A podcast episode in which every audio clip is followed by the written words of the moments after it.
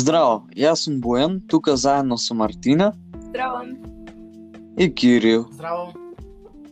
Добродојавте во првата епизода на нашиот подкаст Кафе Пауза, каде што во секоја епизода ќе зборуваме на различни теми.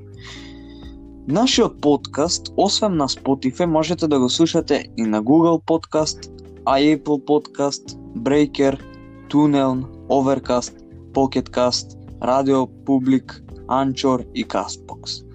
Денешната тема на разговор е теории на закон.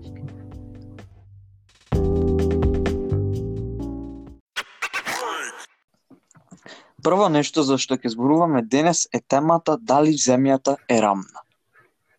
Реално според мене тоа беше најглуп, најглупите теории што може да ја слушнам поради тоа што добро, ти има некој што верува во тоа, не можам и за тоа да се мешам. Али реално прво и прво таа теорија беше поставена како демек земјата е рамна плоча и како се вика на крајот да речем од граница беше нормално, докато што е крајот на земјата има како поставено како Да. поиска од некоја држава да речеме или од светот од сите скоро држави кои што завршиле тој дека таму кој ќе одиш натаму те враќа војската намерно тука имало воена база, што тоа според мене нема логика. Прва работа зошто? Кој ќе видиш така доста сигурно ќе се најдеше некој како некој ликт футич, според мене, реално ако зборувам како што си има најдено ликт футич за Реа 51 за Мозамбијани, не знам за доста некои експерименти пример. Мора или некој барем некој аудио кај што војската назад те враќа пример. Некој сигурно ќе успеал некој да снима пример кој што се случи пред не знам колку години има тоа што беше поминато, кога еден а, фотограф појде во Северна Кореја, нели таму е забрането да се слика. И човекот некако Да. направи некои слики, стварно значи онака ретко кој тоа може да направи поради тоа што еден фотограф така фати или номинар не знам што беше, еден денеска не знаме со оно што се случи. Пример, јас сепак мислам дека тој глупа теорија на заговор дека земјата е рамна плоча поради тоа што сите ја учена географија и други работи така да не знаете. Пак луѓето што си веруваат, тоа нека си верува, али мене ми е тоа нешто сосема глупо. Поради тоа што доста сигурно ќе се случеше нешто што ние ќе дознаевме за такво нешто. Значи дека дека земјата дека е рамна мораше некој начин ние бидеме информирани преку лик футич или преку некој аудио што е викнато пример аудио рекординг така да мора некако да се дознае, али еве добро мој мислење дека тоа е глупа теорија дека буквално тоа е само полнење на главата со глупи информации реално. Или може тоа накаде некој како заебанција па некој стварно поверувал, пошто реално зборуваме јеби га, денес има луѓе што се косунгери, буквално што се впива. Ти да му кажеш дека ако ако не знам ако сотепа дека злато ќе добија, тој ќе си го рокни пиштол ако ништо. да. Па имаше многу а, мимс, така да ги кажам, како мимови, Буквално тоа веќе ко, значи буквално кога експлодна буквално цела тема за дали земјата е равна, буквално многу мимови имаше на таа тема и, и стварно е глупо бидејќи имаме е така што кажи учено и имаме гледано по интернет дека тоа стварно нем, нема логика да биде така. Оне има сега ако збориме за формата, има неодредна форма, елипсовидна, што ја викаат, али се не е како одредена, свеќаш. Ама има некоја форма, ама не е Да. рамна, мислам. Епа, ама пак, значи, не може да кажеме дека е како плоча рамна, поради тоа што тоа е глупа теорија според Мислам, глупо е стварно. Како за фраканција, па некој тоа си има сватено здраво за готово, поради тоа што има такви луѓе, како што реков, не знам, речем ти копај под тебе, ќе најдеш 10 кила злато, Да. скаче копа, Хм. ќе најде. Али ете тоа. Што мислиш? Има уште такви мимови и теории што што прават се. Не знам ако го имате она гледано краткото филмче што беше на Логан Пол, ама тоа од хумор направено за земјата рамна дека. Го немам, ги имате тема. Ловен пол. Јас сум пак на KSI. Имаше такво направено, ама тоа беше како хумористично филмче. Демек тој има пријател што што верува дека земјата е рамна, па тој станува е, исто како него, почнува да верува дека земјата е рамна и глупи таму работи, стварно не ми се бенди се тоа клипче. Или така кажано кратко филмче. Па брат, ние сме А Инаку вие што каде јас не мислам дека земјата е рамна. Па не, мислам, тај не сме то толку се... Да, да, Мислам, да. сигурно има Да. некој што стварно ќе мисли дека е рамна, али лично јас мислам дека не е вистина тоа. Мислам, стварно, Има, има. Глупо е многу. Према дека нешто како нека нешто јас ги мразам тие луѓе или не знам нешто дека сакам да ги навредувам, али мене стварно ми е глупо тоа да верувам. Али добро е секој во што сака нека си верува, секој има право на избор и секој има право што сака да мисли, не може никој ништо да му нареди, тоа ако сака нека верува се. Буквално што викаш ти дека стана досадно то за Логан Пол филмот, тоест дека бил досаден. Врт поради тоа што после толку шеги кажани на сметка на тие што верува таа теорија на заговор, буквално брат веќе нормално дека стана досадно поради тоа што порано секој второ мим што беше објавен на Facebook, на Instagram, на Twitter, беше со тоа со земата ли е рамна или дали е елипсоидна. И ја мислам дека веќе таа фреквенција стана досадна и реално досадна стана. Се преувеличи Да. многу сето тоа. А да, онака поради тоа што веќе почна многу како значење да добива таа. Да, да да. А има- Да, има многу побитни теми кои што се стварно онака Ама секој така не може да свати. Али добро, луѓето да си верува во тоа што не може не може да ги спречиме тие што верува да верува во тоа. Според мене тоа е најглупата теорија на заговор. Мислам најглупата. И добро има и поглупи, али едно од најглупите реално може таква титула да ја доделиме. да, дефинитивно. Е, сега денеска за втора тема што сакам да зборуваме тоа дали телефоните се прислушкуваат. Буквално сите сме свесни дека може телефонот да биде прислушкуван, тоа значи е буквално јавна тајна на сите. Значи сите сме свесни на такво нешто.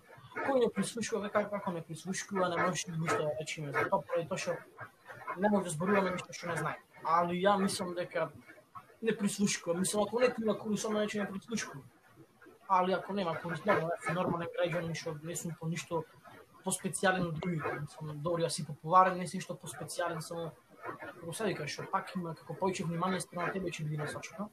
Али да речеме ќе излегувале разговори во странство, знаме ќе излегувале едно друго, али сепак можеме да кажеме дека дека се прислушкуваат телефоните, тоа дека веќе сите може да се сложиме. Буквално, значи, тоа, како што кажавме, јавна тајна. А, вие што мислите, дали телефоните се прислушкуваат? Јас мислам да.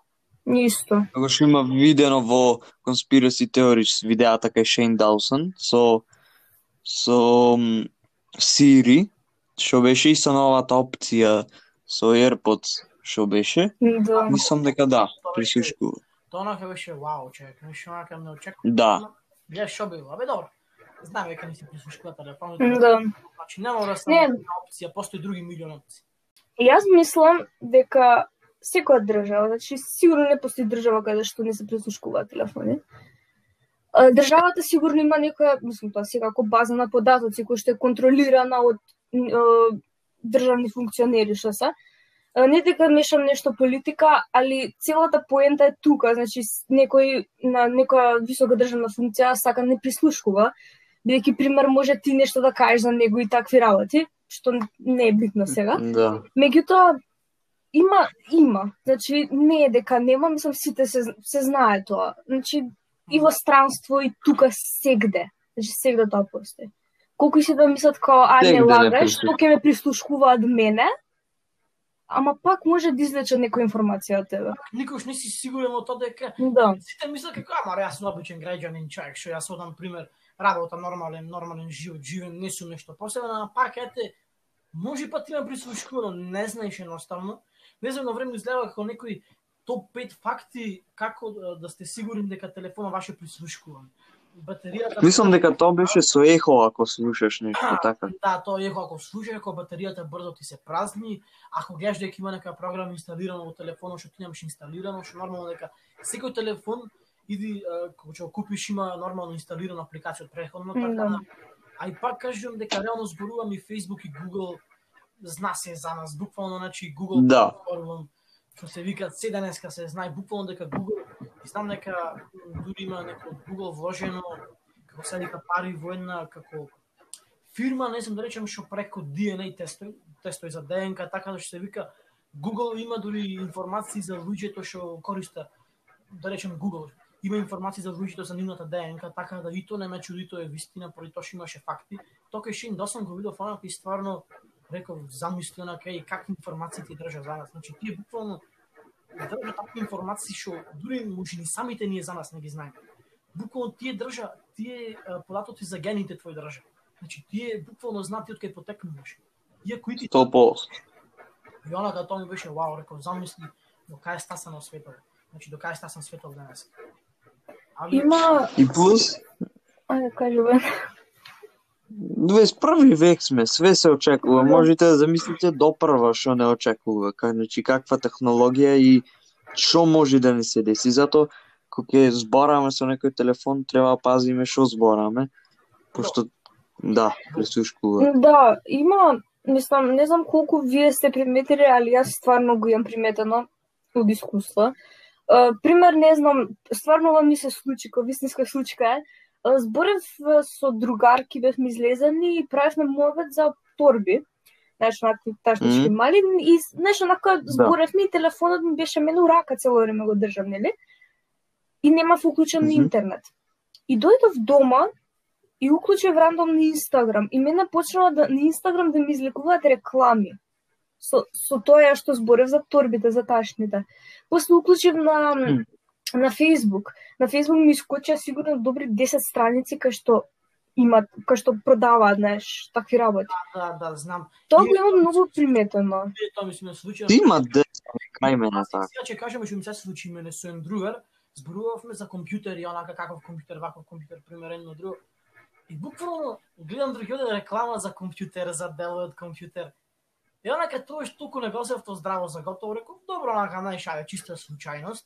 Ама веќе во последно време кога зборувам онака многу почесто за компјутери, гледам дека многу почесто им излегува реклами за компјутери и тоа веќе не само не само тебе, не само мене, милион луѓе се потврдиле дека тоа му се случило.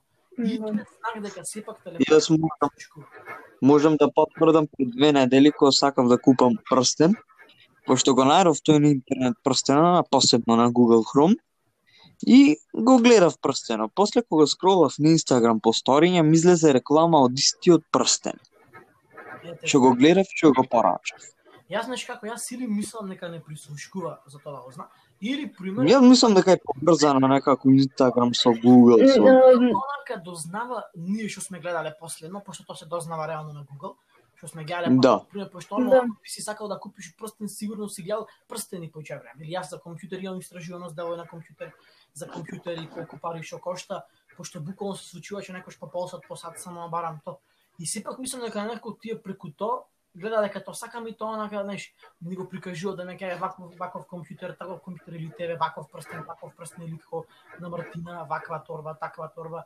Пак мора тие некако да зна, пошто еднаш бидува случајност, ама веќе нонстоп како ќе се зачести, или пак сигурно кога ќе кликнеш еднаш на реклама, та некако, ајте, преку тој линк кој што кликаме, ние некако даваме, дека тоа сакаме да го гледаме и дека се интересираме. Да. Сигурно ја колку Изгледа. на таа страна, но те кој те интересира, ти сигурно нема само две минути да седиш на таа страна да гледаш. Значи буквално ќе седиш повеќе пол сат, сат пример ќе гледаш за цени, за дело и пример или еве микрофони ако гледаш.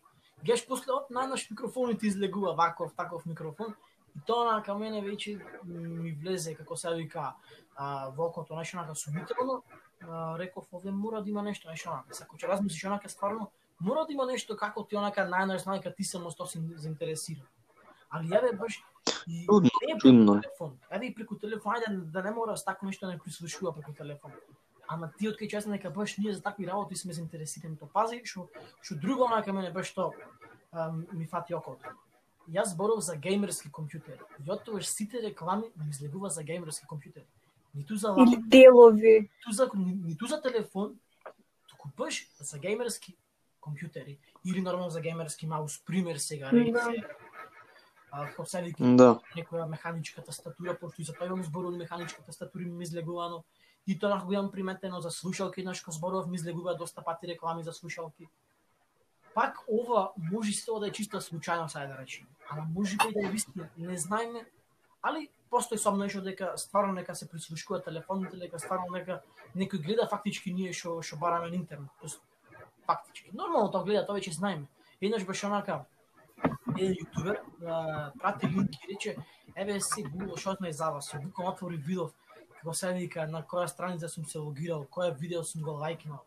Тоа онака ми беше доста интересно и реков, значи тоа буквално се за мене зна. Така да Не можеш да се скриеш колку да сакаш. Буквално. Па буквално не можеш. Денеска не можеш уни да се скриеш поради тоа што ти го користиш ти ја користиш нивната апликација, нормално дека тие ќе најде начин да вида што правиш ти. 100%. Па да, фала на Господ дека тоа така е, значи. Тоа веќе е јавна тања дека некој дека не шпионира. Е сега, кој шо е, не знаеме, али тоа сигурно е некој човек од тајноста шо не знаеме ни од која држава е буквално, значи може да е Америка, може да е Англија, може да е Русија, може да е Кина. Што буквално ние не го знаеме, што нормален човек изгледа онака буквално облечен во една маичка, во едни тренерки што се вика, мете знаеш. Ама знае све за тебе. Ај се замисли. Тоа може цела, тоа може нека тајна компанија што ние никош нема да го знаеме. Може и зад Google некој помојчен стои што ние не го знаеме. Тоа се луѓето, како се вика, тоа се луѓето што нема никош ние да ги запознаеме. Тоа се луѓе што тие буквално се знаат за тебе, а ти не знаеш ништо за нив. Ти само имаш сомнеш дека постои. Ти само тоа за него го знаеш. Ти се сомневаш дека постои, тоа никош не е докажано. А не е не сигурно дека постои, ти имаш само информацијата дека ти е дека постои, а тие за тебе се зна. што си гледал, што си порачувал, кога си излегал, не знам со кој си се допишувал, која песна си ја слушал, постојано кој филм си ја симнал, која игра си ја играл, што си купил на интернет, која игра си ја купил, дали DLC си купил за играта, колку време си играл играта, тие се зна за тебе. А она што вложи во фирмата за ДНК тестови поради тоа што таа што е главна на фирмата таму, мислам дека е вереница на тој што работи во Google, нешто некој, пак некој необичен работник во Google да речам, туку зборувам за на повисок чин. Значи, обичен работа, Мгм. mm пак имаш некој сомнеш. Значи, рачуни тие се до степен дојдени кај што тие веќе скоро се за тебе знаат. Ти не можеш ни да се скриеш на било каков начин. Али ја ве кажете вие што мислите за тоа.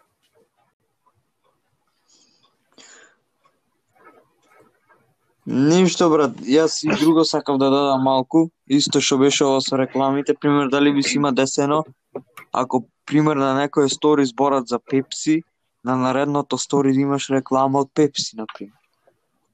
Па не баш онака, или пак не Мене ми си има неколку пати десено. Не, поради тоа што јас како себе, јас повеќе рекламите ги скипнувам рекламите, реално. Да, исто. Скипнувам онака, пошто не ми интересно. Да, и јас ги скипнувам, ама пример ако видам дека стварно рекламата за тоа што се збораше од преходното стори, се зачудвам и пак ја скипнувам, пошто не многу да се задржам на такви страници. Онака реално зборувам, денеска сите ги скипнуваме рекламите. Не знам дали постои лично свет, во светот што ужива реклами да гледа. Ако е е. рекламата, Да, ако ме привлече. пример ако ме интересира рекламата, ако пример ако е за снимање нешто за камери, би ја гледал. Па Ама нормално, ако ми досадна пример нешто, не. пример, еј, дали сакаш да купиш, не знам, од нашиве ланчина, или дали сакаш, пример, тој тој производ да го да го Да. Ака, знаеш, колку е за компјутер, нормално дека ќе отвора едно друго, ама, пример, за не знам, за некој ланч, онака, не знам што ми е на ланчето, па тоа што.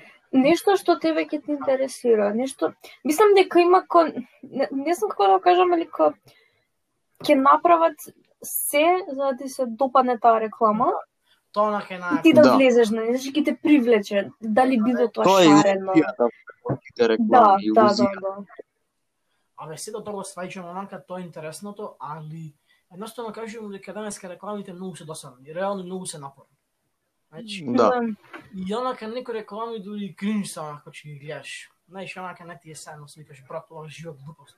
Али пак онака ете, сигурно постои некој лично што го гледа.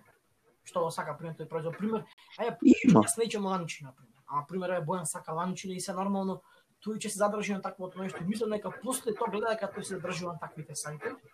Пошто еднаш така, не знам кога беше, е сега ќе кажам ова, а, на Инстаграм отворив една страница, пошто гледав, знаеш како, како спон- спонзорирано беше ова, знаеш да се пушта на Инстаграм, пример, Да. Че прстени скапи, како што носа познати артисти, да речем како Lil Pump, како 6ix9ine, што има носено.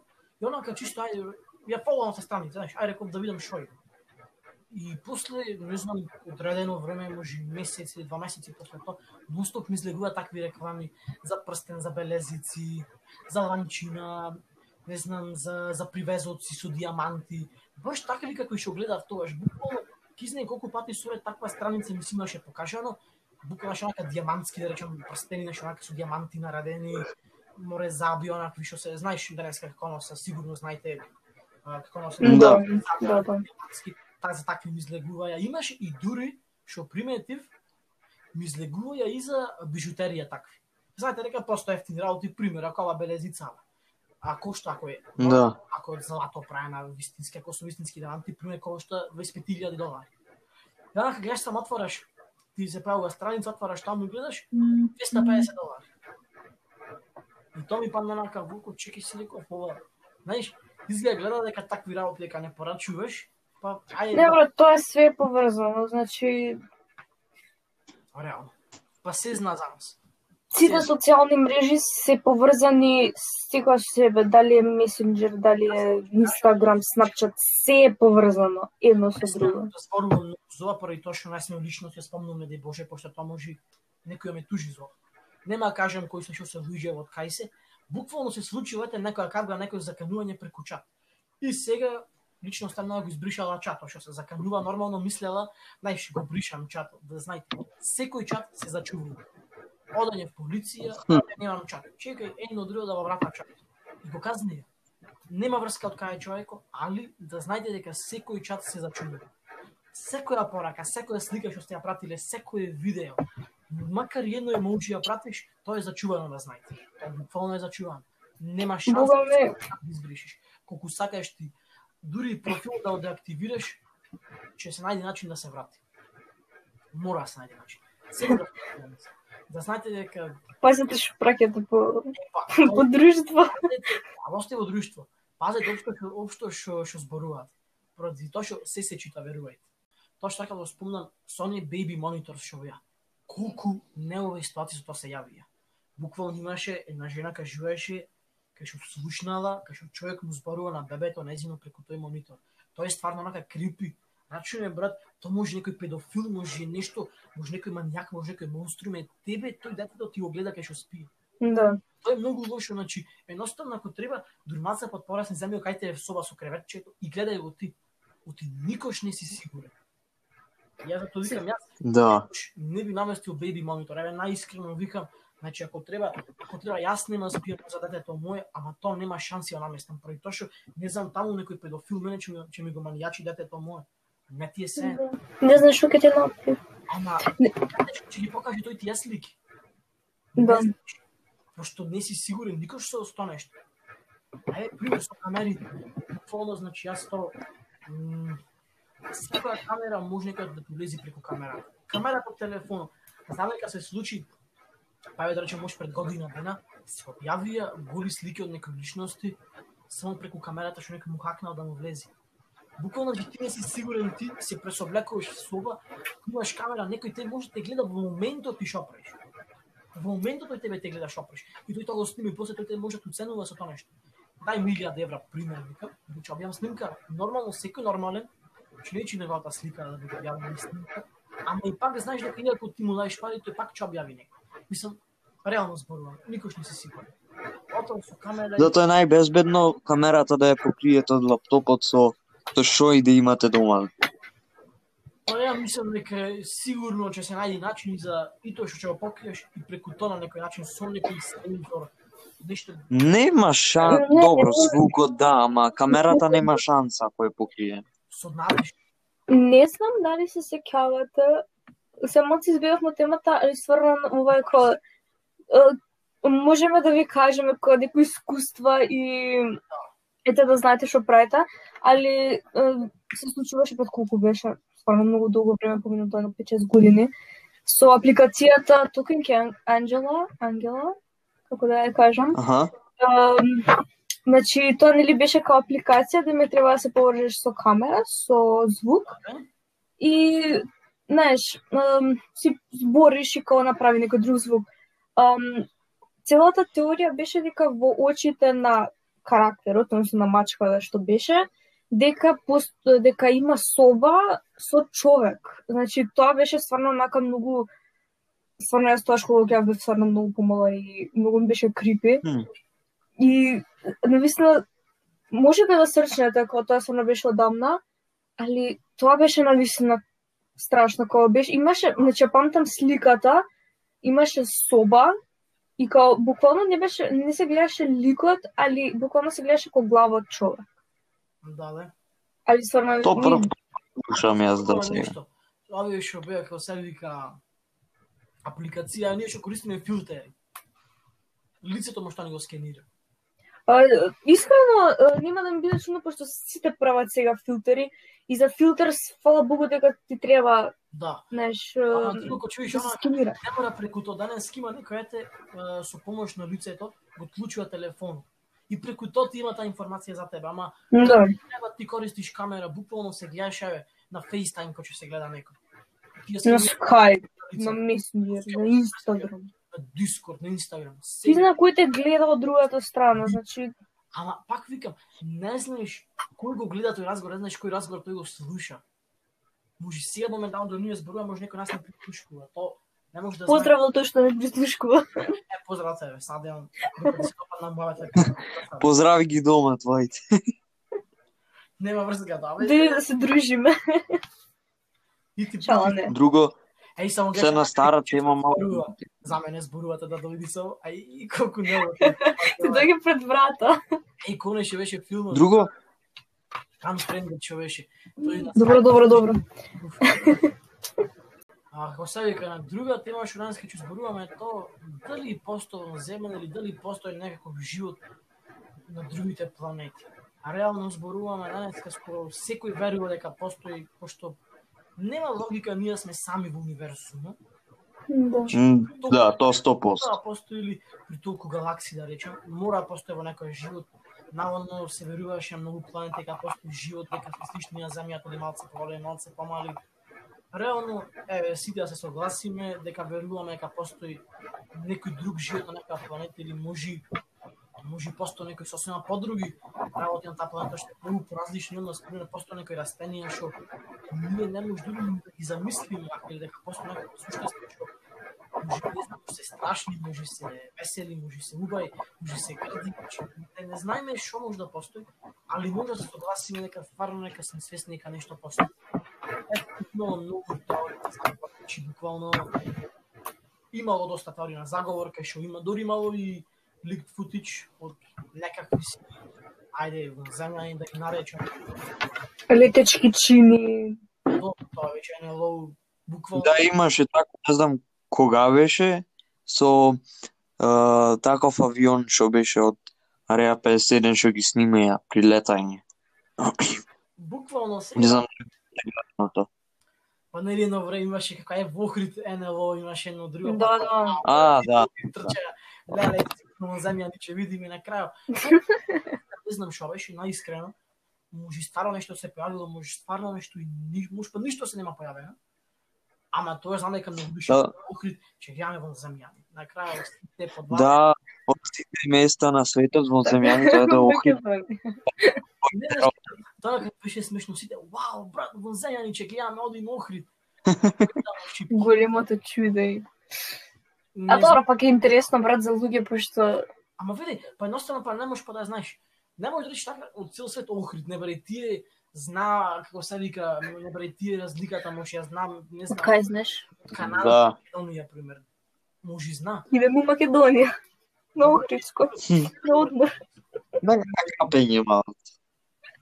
Не, знаеш како, нема врска тоа. Тие кај што сакаш си ода, ако воопшто посто, Ова не ми е верно, дур стварно не видам со мои очи. аме се фало на Господ дека не веруваме никој 100% во тоа. Оти се може да е монтажа, не гледате што што не може све да се направи сега Денес во светот со што компјутер. направи дека си кажал нешто што воопшто не си ни го помислил. Тоа имаше дури така. Да, имаше да. направено, ама никош не ја пуштија. А ако ја пуштија таа програма, ви кажувам, тоа беше од да добе знам, па тоа викам, таквата програма. Тоа беше стварно тоа беше страшна програма. Рачуј ти може да кажеш за тебе, не знам, дека ти сакаш да се самоубиеш, да му прати таква порака на фамилијата твоја. Да. Буквално нормално се Да. странич. Среќаш И плюс со таквата програма може многу да направат е, политички пораки што може многу да наштетат за државата. пример големни држави се скара војна, почне Да. Да, пример Па ете дојде и на почеток од јануари, февруари, за малце. други работи, тоа ништо не. Да, да, пак, тоа беше Друго. Тоа други причини, тоа беше заради убиство. Нема врска не влегуваме во тоа како било било, не се мешаме во такви работи, ама зборуваме пример еве можда дојдеше до каква пример меѓу Америка и Русија. Америка и Северна Кореја, не знам Австралија и Англија, ако тоа не верувам дека би се случило меѓу нив две, ама или пример не знам Индија и Пакистан. Значи не, не си сигурен Кина и Јапонија. Доволно е само две големи земји да завојува и толку. Але пак среќа што таа програма не ја пушти, а се надевам дека никош нема да ја пушта таа програма. Оти ако ја пушта, мислам дека озбилни последици ќе има не само за луѓе, во туку општо да речем. Али пак сакам Да. дека малку од темата, али ја се навратиме на, на земјаните се навратиме. Сепак онака јас некако длабоко во себе верувам дека постои таква нека цивилизација помудра од нас, да речеме со сите технологии што ќе не можеш ни да ги замислиме како ги има, пошто не знаеме реално ништо скоро за нив. Сите кажува навно тие се паметни од нас, попаметни од нас, па едноставно не можеш тоа да го знаеме, дури не видиме. Имаше така, не знам, се јавува како некој нешто предумирање некои војници што биле во Ареа 51 и вика има вон земјани да, ама сепак не знаеме колку е тоа вистина. Пошто тој предумирање стар 90 години не нешто колку е нормален, така реално зборува. Ама ете работел таму. Ама Ко- работа на тие 90 Има, да, али пак има ко некој, некој трошка како онака да му веруваш дека има нешто. Зашто онда го кријат тоа? Еднака читав едно интервју, многу беше интересно, стварно чака долго интервју беше, али ме заинтересира врска со земјаните. И кажува човек вика има вика но земјани соработуваме со нив пример ние луѓе, мислам луѓето. Воените бази некои тајни нормално, нема јас и ти да соработуваме со нив. Да. И вика тие вика го зборува нашиот јазик, али вика кога зборува на техни јазик не е пријатно вика за слушање, високи се вика доста и кај ми вика име на работа обратно. Ова не знам колку е вистина, може да обична измислица тоа што го кажуваше. Како ова не може ниту 100% да е, овде се тоа е 50-50. Да. Е вистина, може да не е вистина. Бира ја го šta е теби драго испадна работа. И кажува тие како старе така се зголемува. Наводно како подруги гла има, наводнете немале коси пример. И доста вика се паметни, доста вика работи, доста се силни вика. Ние се вика многу многу посилни од нас. Колку е тоа вистина не знаеме, не знам едно време нели се шпекулираше дека на земјата живе пет вида на земја, не знам, а, три пријателски настроени, два вида непријателски настроени, се се сомне се сомневаме дека уште има видови на земјани што ги немаме истражено. Тоа сето беа напишано некои новинари што ни ги знаеме, ни ги познаваме, така да може тоа беше обична измислица. Нема што ништо да кажа. Али Нема, сигурно има нешто, не може да сме сами тука. нешто, ама што вика Бојан па и од Бојан ова како се вика, буквално од Бојан може да е вистина, нека може па нешто па се тоа е па монтажа некоја. Не се знае, не може да знаеме. Нема, 100%. ко- Значи, видиме со своји очи, е тоа што речеме, ево веќе стварно Да, сигурни дека. тогаш. Значи, не знам, не, не знам зашо го кријат од нас. Ко... И вајда можда од безбедностни причини, али пак Па затоа што сепак онака може нема ги прифатиме. Пошто пак онака, Добро, но не сите гледај, 50% ќе прифатат, 50 не, или 40 ќе прифатат, онака 60 не. ќе биде Секако. така, значи Ке, па тоа, сакаме да, знаеш, да го стигнат. Онака, да, па нека дадат докази, да видиме. Ко, са, пример, еве, јас сакам да видам дали стварно има тоа, дали постои. имало Да знам на што сум. од срушени летачки, како се вика, од, од летачки, како се вика, летачки возила, срушени, па не знам, рака нашле, па нашле тело на земјани. Ама никој што онака не било, да речем, потврдено официјално. Може и поради тоа што и стварно тоа не било вистина, може тоа да е монтажа обично. Реално зборувам, Не, не они, гледај, знаеш, ово ќе испадне се, они не кажуваат, значи да монтажа, е, ко не кажуваат дали е вистина. Ко никој не излегол да каже да вистина.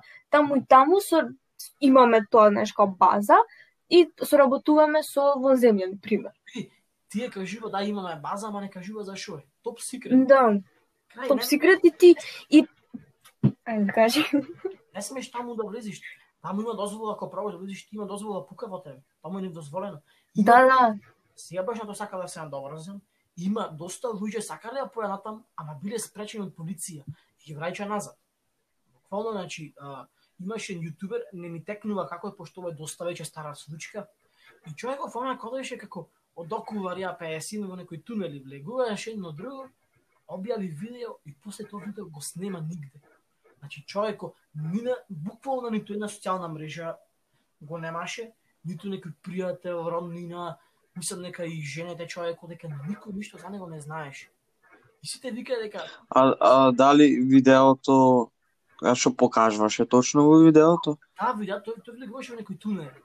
И го одјави видеото, сега тоа што нема ништо објавено. И никого нема видено. И сега тука веќе настана прашањето што си има случајно со него. Дали тој си има загинато или пак тој има влезено негде кај што не треба. Поради тоа што види, може до некој степен тебе ќе толерира таму власта Арија 51 кај што нормално, значи, ќе толерира да примерно кај гледам нешто дека тама едно А не сме сигурни тоа што има направено. Може тој има негде влезено кај што не треба. Може тој има веќе оден, може тој веќе ги има поминати границите до кај што е толеранција. Пошто реално знаеме сега дека во Реа 51 сака нели сите како онака да влезе насилно, иако тоа ми беше жива глупост. И само реков, немојте да луѓе поради тоа што ова глупо нешто, реално глупо нешто беше. Мене само ми беше криво што многу луѓе ќе загинаа заради тоа нешто. Тоа беше тренд. Да, Не знам дали се сеќавате со групите што беа. да. Значи на Facebook имаше група. онака. И сега мене што ми изнервира многу во таа ситуација. Знам дека малце бегам од темава, али ајде. Се надоврзуваш на следната тема што сакаме да ја збориме, така таман може да ги споиш. Да, да, не е проблем. А на кај да речеме, а, како се вика. А, пример еве, а, луѓе што сакаат да влезат таму. Добро, окей.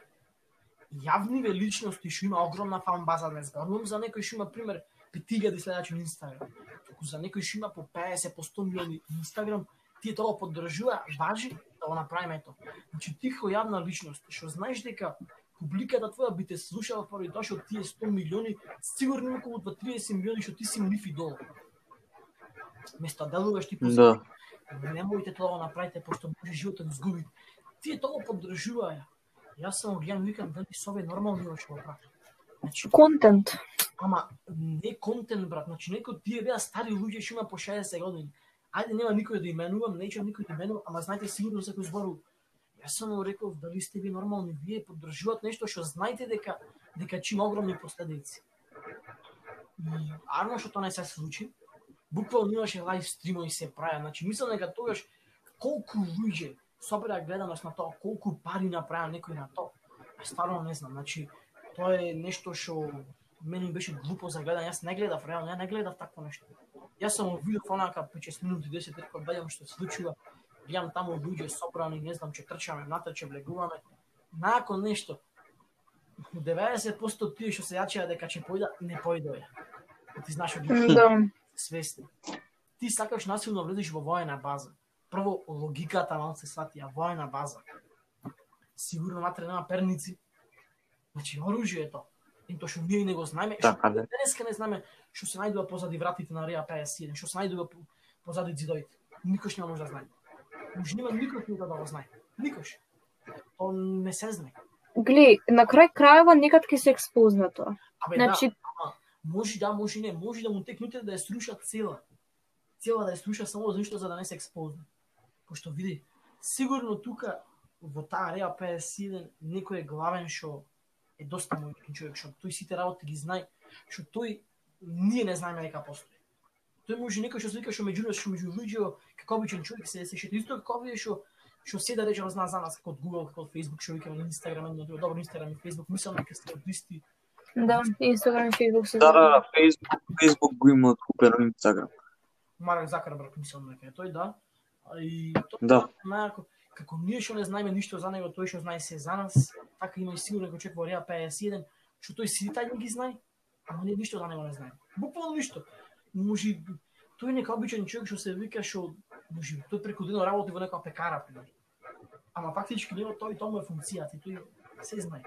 Не се знае таму кој работи, буквално не имало интервјуа со бивши членови, да речам бивши вработени од таму поранешни вработени. Ама колку си ти интервјуа сигурно не, не знаеме до ден денес. Нешто и да сакат да лажи намерно за да нешто да пример за намерно за да бидам мета на медиуми нонстоп да ги вознамирува. Пример.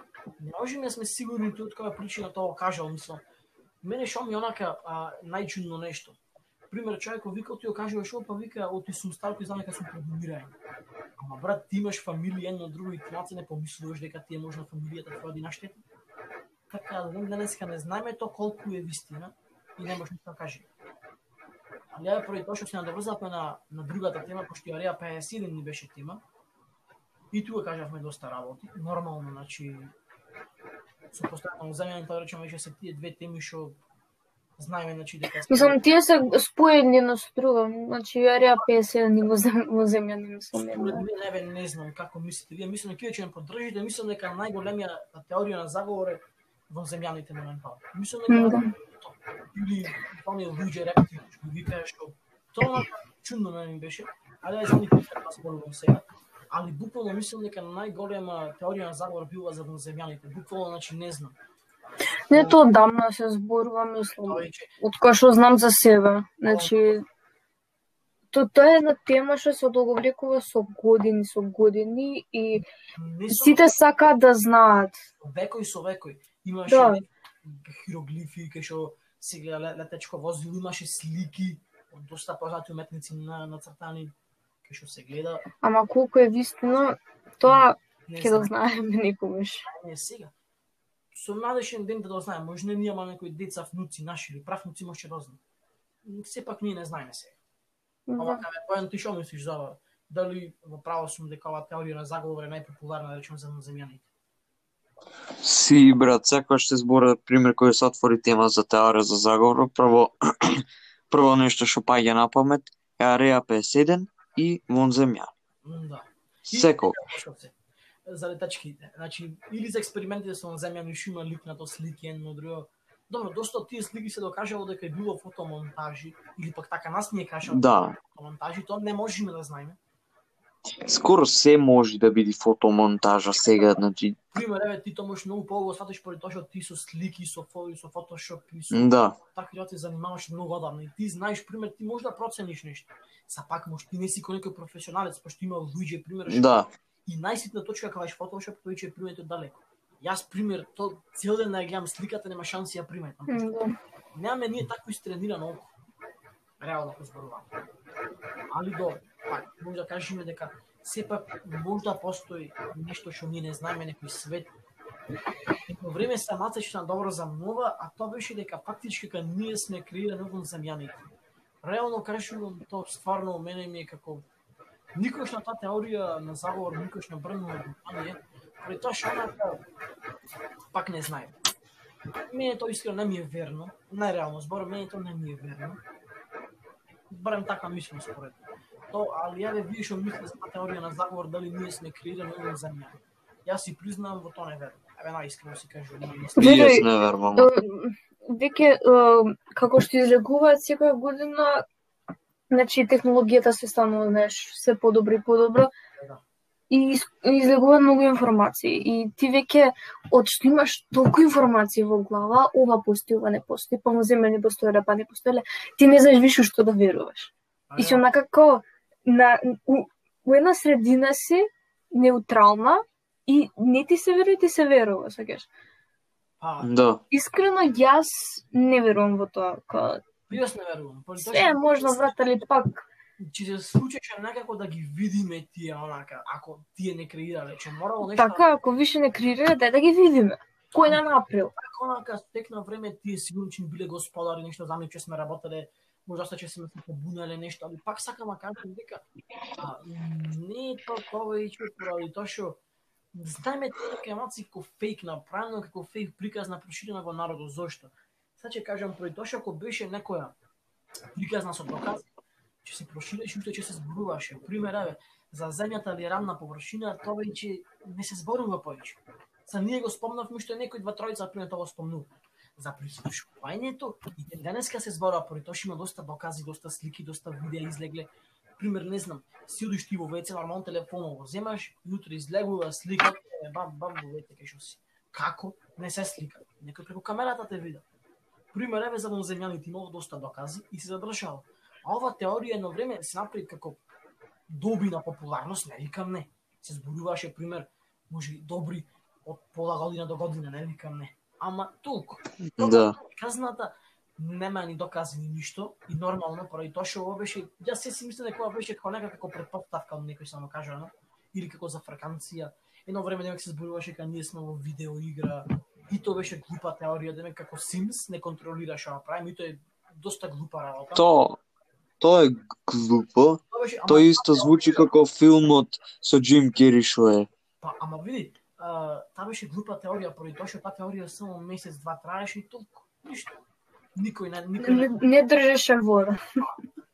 па не држи влага што македонците, не држи влага и едноставно не веруваше во тоа. Нормално пошто Да.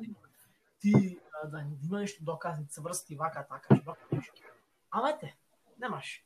А кога била таа теорија таква? Па, брат, искрено ти кажам, ја негде бев колку? Осмо одделение, седмо, дали бев. Ај тоа што се случи, два-три месеци се веруваш, ај може месец, два, не знам. Баш онака со другарчи на тоа зборнавме шо мислиш. Брат, му викам, мене тоа ми е глупост, реално. Али пак му викам, не знам, ако треба нешто ќе да знаеме и тоа е тоа. Значи, пак ме се Да. негде од прилика 2013-2014 беше, али од тоа до сега за таа теорија ништо се нема ни зборнато, ни си има нешто кажано.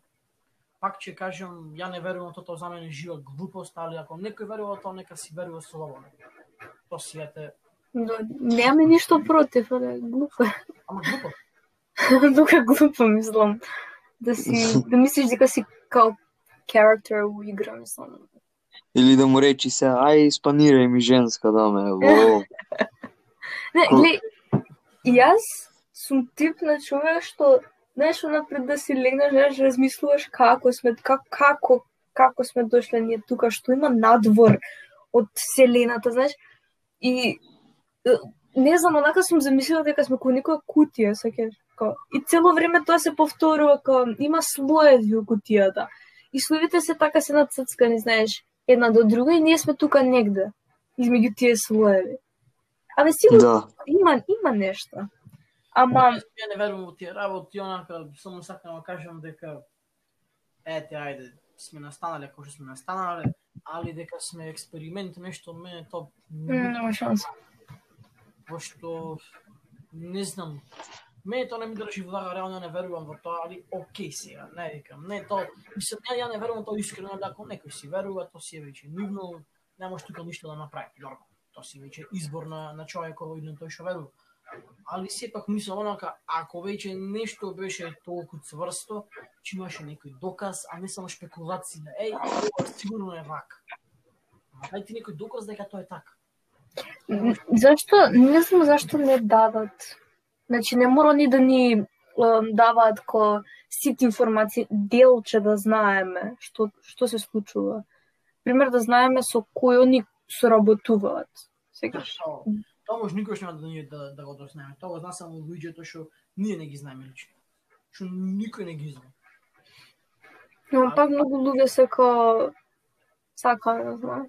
Јас сакам да знаеме. А кој неće да знае за тоа нешто? Мислам да има луѓе што неće нешто ништо не ги интересира. Тоа се онака луѓе што нема ни живот на цел, буквално што само гледа, не знам, да се најада, да се напија, да се наспија и тоа. Али тоа ти онака баш глуп живот, али нема врска, тоа секој си знае.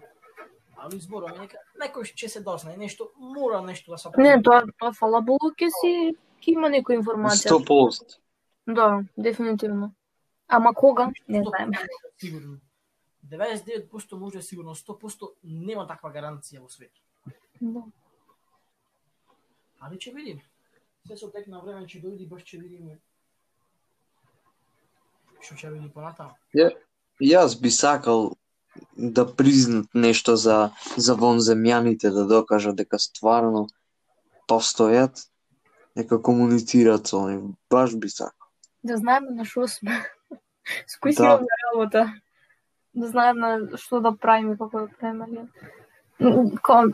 Сакаат да те фатат у, у, не знам, у небрано што и се вика. Да, но јас кажав, дури не видам со моје око, значи летачки објект на небо, јас нема да ги верувам. Ама откако ќе видам со моје око, тоа ќе речам, oh шит, тоа е тоа, значи стварно постои. Е, па сега, брат, го се вика. Ќе дознаеш. Дури тоаш не може да сме, не може, дури тоаш да сме сигурни дека тие стварно нека постои, дека не се вештачки направени.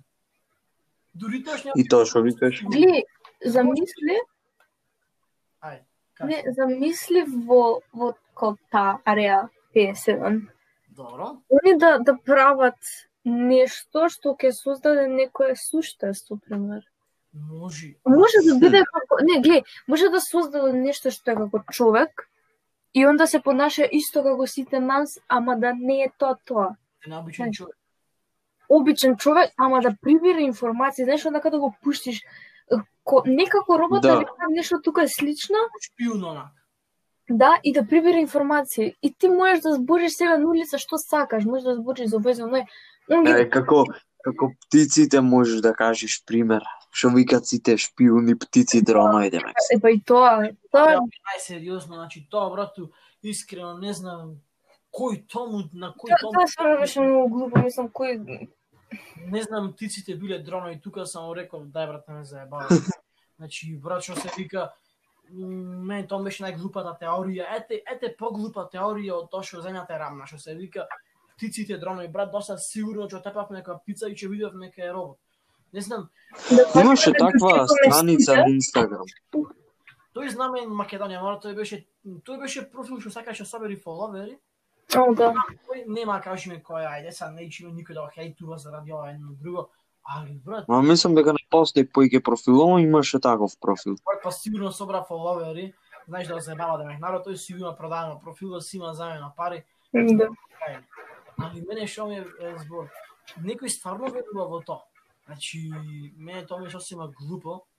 Ако видиш така, тоа што пати по логички ќе биде пример пчелите или бубачките ги направиш шпиони што се помали, него ли птици. Али, Тоа ќе биде Така е. пологички, пошто нема да се приметува толку многу. али пак ќе кажам, тоа беше едно од најглупите теории, па може да речам и најглупа теорија на заговор што имам слушнато, барем јас. Може има и стопата некои поглупи теории што ги немам слушнато, ама за сигурно на се мене била најглупа дека птиците дронови биле. Јас во тоа нич не верував, нормално тоа беше што најглупо. Али добро, имаше некој верува во тоа. Не знам што да речам за тие луѓе, освен верувајте си во тоа што сакате.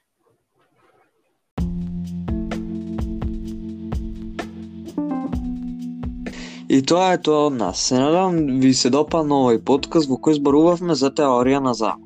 Доколку имате било какво прашање да не прашате или да ни предложите нешто, можете слободно да ни испратите во дома Инстаграм. Можете да не пронајдете како Мајмунче Кафе Пауза Official, официјал, или пак на нашиот мејл кафепауза контакт со к мајмунче.gmail.com. Очекувајте нова епизода секоја недела. Поздрав!